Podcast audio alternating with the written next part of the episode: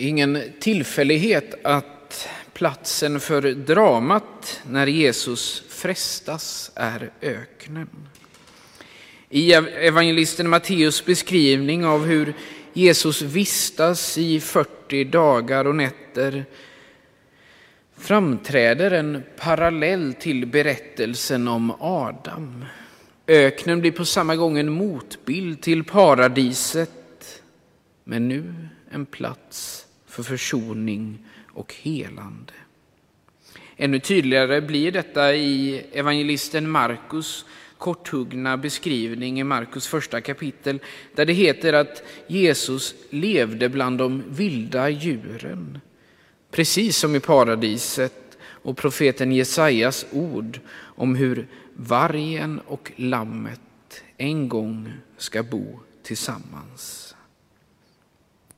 Inte heller tidsperioden om 40 dagar är någon tillfällighet.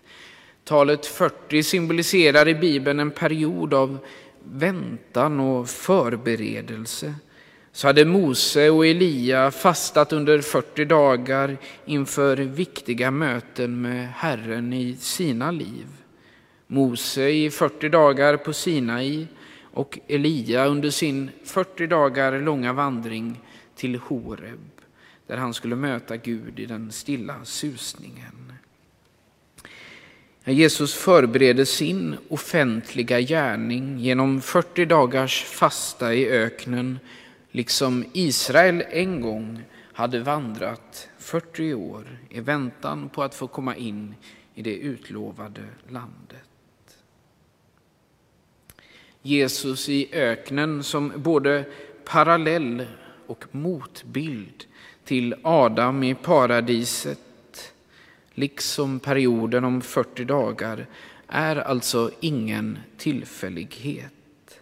För när Jesus efter 40 dagar och nätter utan mat, något vi får förstå som en andens gåva, till slut blir hungrig och angrips av djävulen, så är det både Adams frestelser i paradiset Israels frestelser i öknen som upprepas.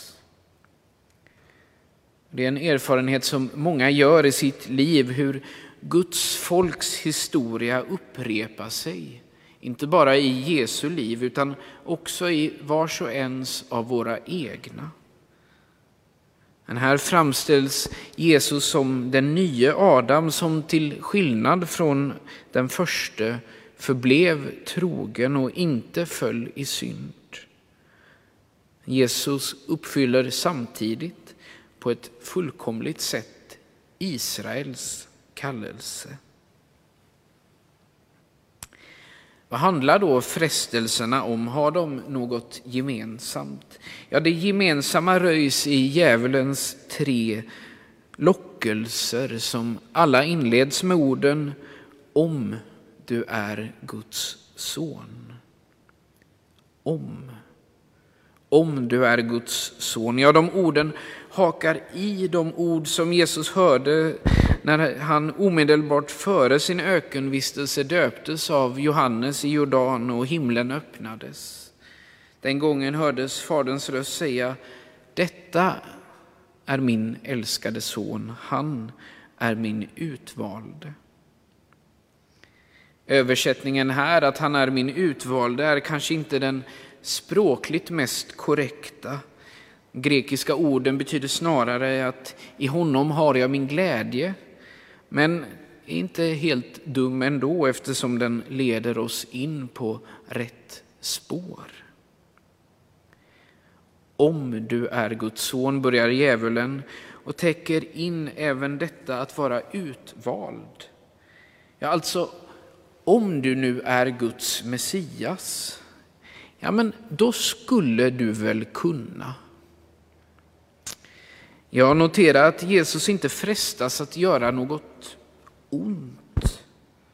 Det hade varit allt för lätt att genomskåda. Nej, djävulen ser gärna att vi också med all kraft ägnar oss åt att förbättra världen, bara vi inte blandar in Gud.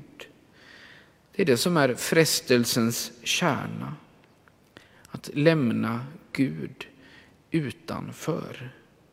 Ungefär som, så som Abram och Sarai i dagens första läsning försöker lösa det här barnlöshetsproblemet på egen hand, med egen kreativitet. Peter Halldorf skriver alla våra frestelser handlar i grunden om just detta. Att försöka få ordning på våra liv utan Gud. Att skapa fred och rättvisa i världen utan Gud. Att låta Gud komma i andra hand eller avfärda honom som en illusion. Slut citat. Kan också då lägga märke till hur i någon mening konkret jordiska frestelserna är. Kan vi känna igen en uppdelning som vi gärna gör i antingen jordiskt eller himmelskt, kroppsligt eller andligt, mänskligt eller gudomligt. Men Jesus är både Gud och människa. Han förenar himlen med jorden och i öknen visar han vilken Messias han är. Han är inte den Messias som djävulen försöker locka honom till att bli eller som folket senare kommer försöka att göra honom till. Och det är vår räddning. Som vi som har mer likheter med både Adam och Israels folk. Att Jesus är både Gud och människa, ja det gör hela skillnaden. För Jesus seger över frestaren i öknen förebildar nämligen hans seger i lidandet. Frestelsen att göra bröd av stenar får sin motbild i det som vi känner som altarets sakrament och dess kallelse för vår del att igenkänna Kristus i den hungrande och fattige.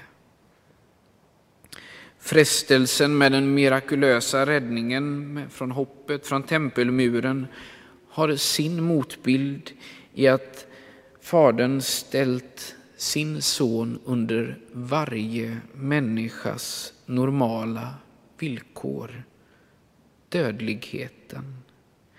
Frestelsen att ta genvägen till att bli världens herre, bli Barabbas, son till en ny fader har sin motbild i korsets lidande. Jesus var trogen sin kallelse, stod kvar i prövningens stund och det är vår räddning. Genom att göra det fullbordade och fullkomnade han det sant mänskliga. Ära vare Fadern och Sonen och den helige Ande, så som det var av begynnelsen, nu är och skall vara, från evighet till evighet. Amen.